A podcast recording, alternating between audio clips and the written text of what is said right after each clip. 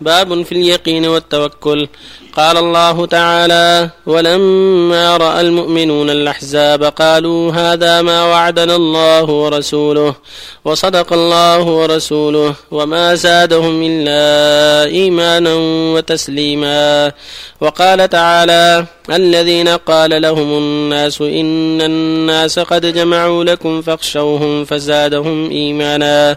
وقالوا حسبنا الله ونعم الوكيل. العالمين فانقلبوا بنعمة من الله وفضل لم يمسسهم سوء واتبعوا رضوان الله والله ذو فضل عظيم. وقال تعالى وتوكل على الحي الذي لا يموت وقال تعالى وعلى الله فليتوكل المؤمنون وقال تعالى فإذا عزمت فتوكل على الله والآيات في الأمر بالتوكل كثيرة معلومة. وقال تعالى ومن يتوكل على الله فهو حسبه. وقال تعالى إنما المؤمنون الذين إذا ذكر الله وجلت قلوبهم وإذا تليت عليهم آياته زادتهم إيمانا وعلى ربهم يتوكلون. والآيات في فضل التوكل كثيرة معلومة. وأما الأحاديث فالأول عن ابن عباس رضي الله عنهما قال قال رسول الله صلى الله عليه وسلم عرضت علي الأمم فرأيت النبي ومعه الرهيط والنبي ومعه الرجل والرجلان والنبي وليس معه أحد. إذ رفع لي سواد عظيم فظننت أنهم أمتي فقيل لي هذا موسى وقومه ولكن انظر إلى الأفق. فنظرت فإذا سواد عظيم فقيل لي انظر إلى الأفق الآخر.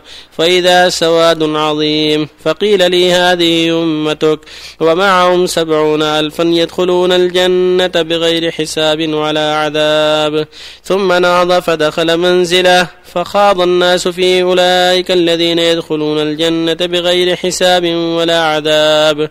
فقال بعضهم فلعلهم الذين صحبوا رسول الله صلى الله عليه وسلم.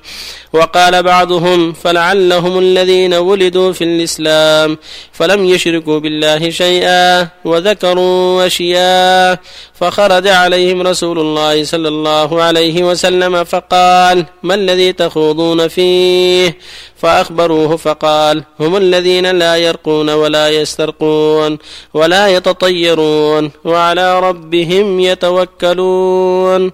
فقام عكاشة بن محصن فقال ادعوا الله أن يجعلني منهم. فقال أنت منهم. ثم قال رجل آخر فقال ادعوا الله أن يجعلني منهم. فقال سبقك بها عكاشة.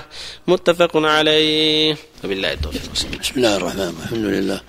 صلى الله وسلم على رسول الله وعلى آله وأصحابه ومن اهتدى بهدى أما بعد فهذه الآيات والكلمات وهذا الحديث الشريف كلها تتعلق بالتوكل واليقين. الواجب على كل مكلف أن يؤمن بالله إيمانا تاما يقينا لا شك فيه أنه ربه ومعبوده الحق. لا إله غيره ولا رب سواه ويؤمن بأنه سبحانه مالك كل شيء ورب كل شيء وأنه الخلاق العليم ويؤمن بكل ما أخبر الله به ورسوله. من الجنة والنار والبعث والجزاء وغير ذلك. ونؤمن بأن محمد رسول الله عليه الصلاة والسلام وأن الله بعثه إلى الناس عامة وأن من اتبع فله الجنة ومن حاد عن سبيله فله النار. لا بد من الإيمان الكامل الصادق اليقين بكل ما أخبر الله به ورسوله.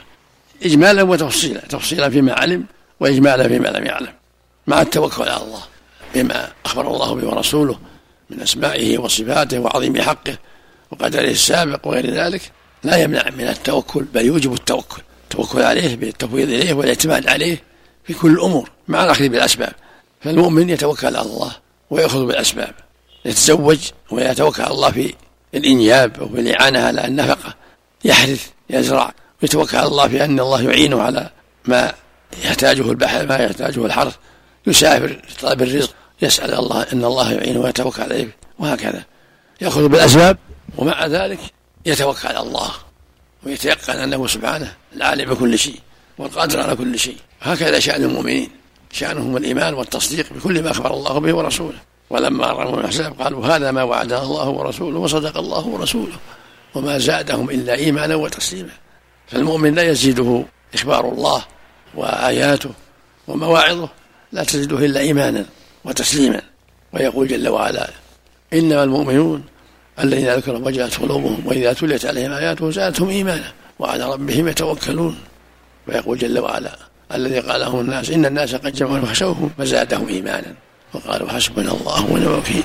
فالمؤمن تزيده الآيات والمواعظ والحوادث إيمانا ويقينا بأنه سبحانه مصرف الأمور ومدبر الكائنات. لا إله غيره ولا رب سواه ومع هذا يتوكل على الله. لا يعجز ولا يكسل ولا ييأس بل يعمل. يكدح يطلب الرزق يزرع يغرس يتعاطى النجارة الحدادة الخرازة الكتابة إلى غير هذا من الأسباب. ويعمل ويتوكل على الله.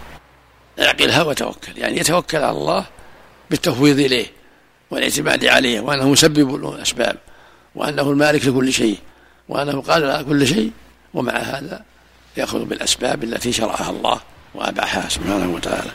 لا يضعف. فترك الأسباب عز عز عظيم. ومحو أن تكون أسباب؟ قدح في الشرع الله جعلها أسباب. الواجب الاعتقاد أنها أسباب وعدم الكسل. بل يجب تعاطيها والأخذ بها مع الثقة بالله والتوكل على الله. ويقول سبحانه وعلى الله فتوكلوا إن كنتم ومن يتوكل الله فهو حسبه. هذا لابد لنا هذا مع هذا. يقين وإيمان وأخذ بالأسباب مع اعتماد على الله وثقة به.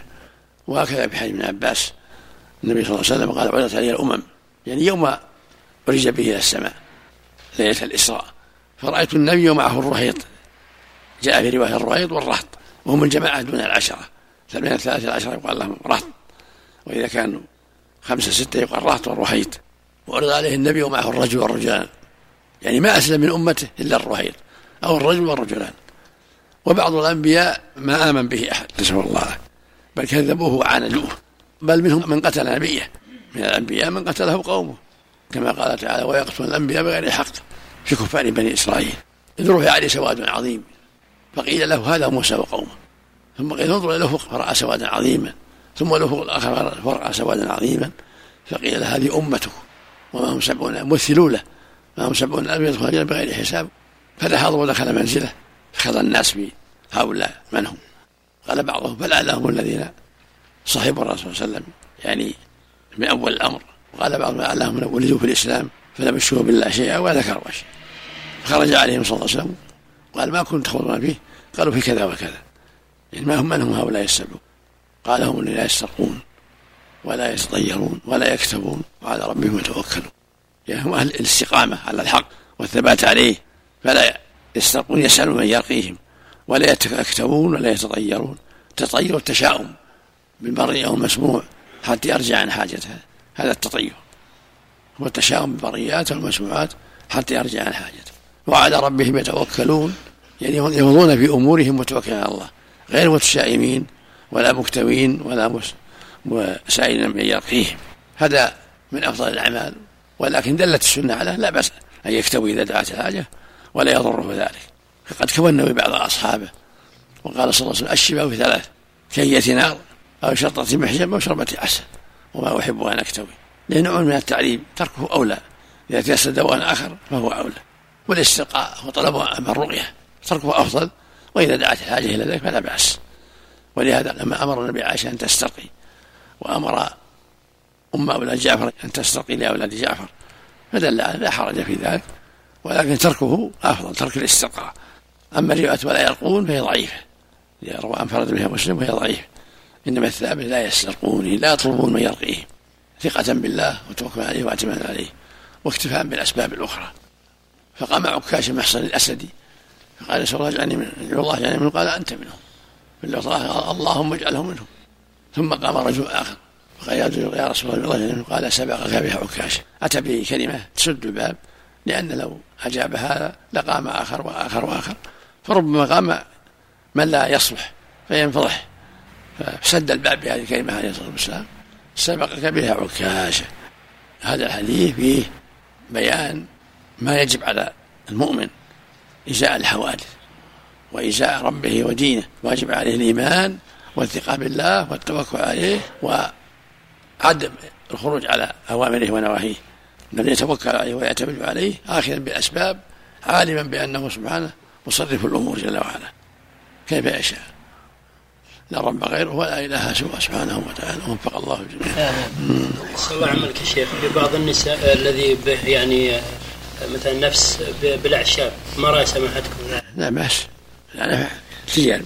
أكثر الطب التجارب أو أكثر الطب التجارب إذا جرب شيء نفع يستعمل. ما في السرقه يكون داخل تحت 70000 يدخل الجنة بغير حساب. أحسن الله عليك جاء في الروايات أخرى زاد من زاده الله مع كل ألف سبعين ألف.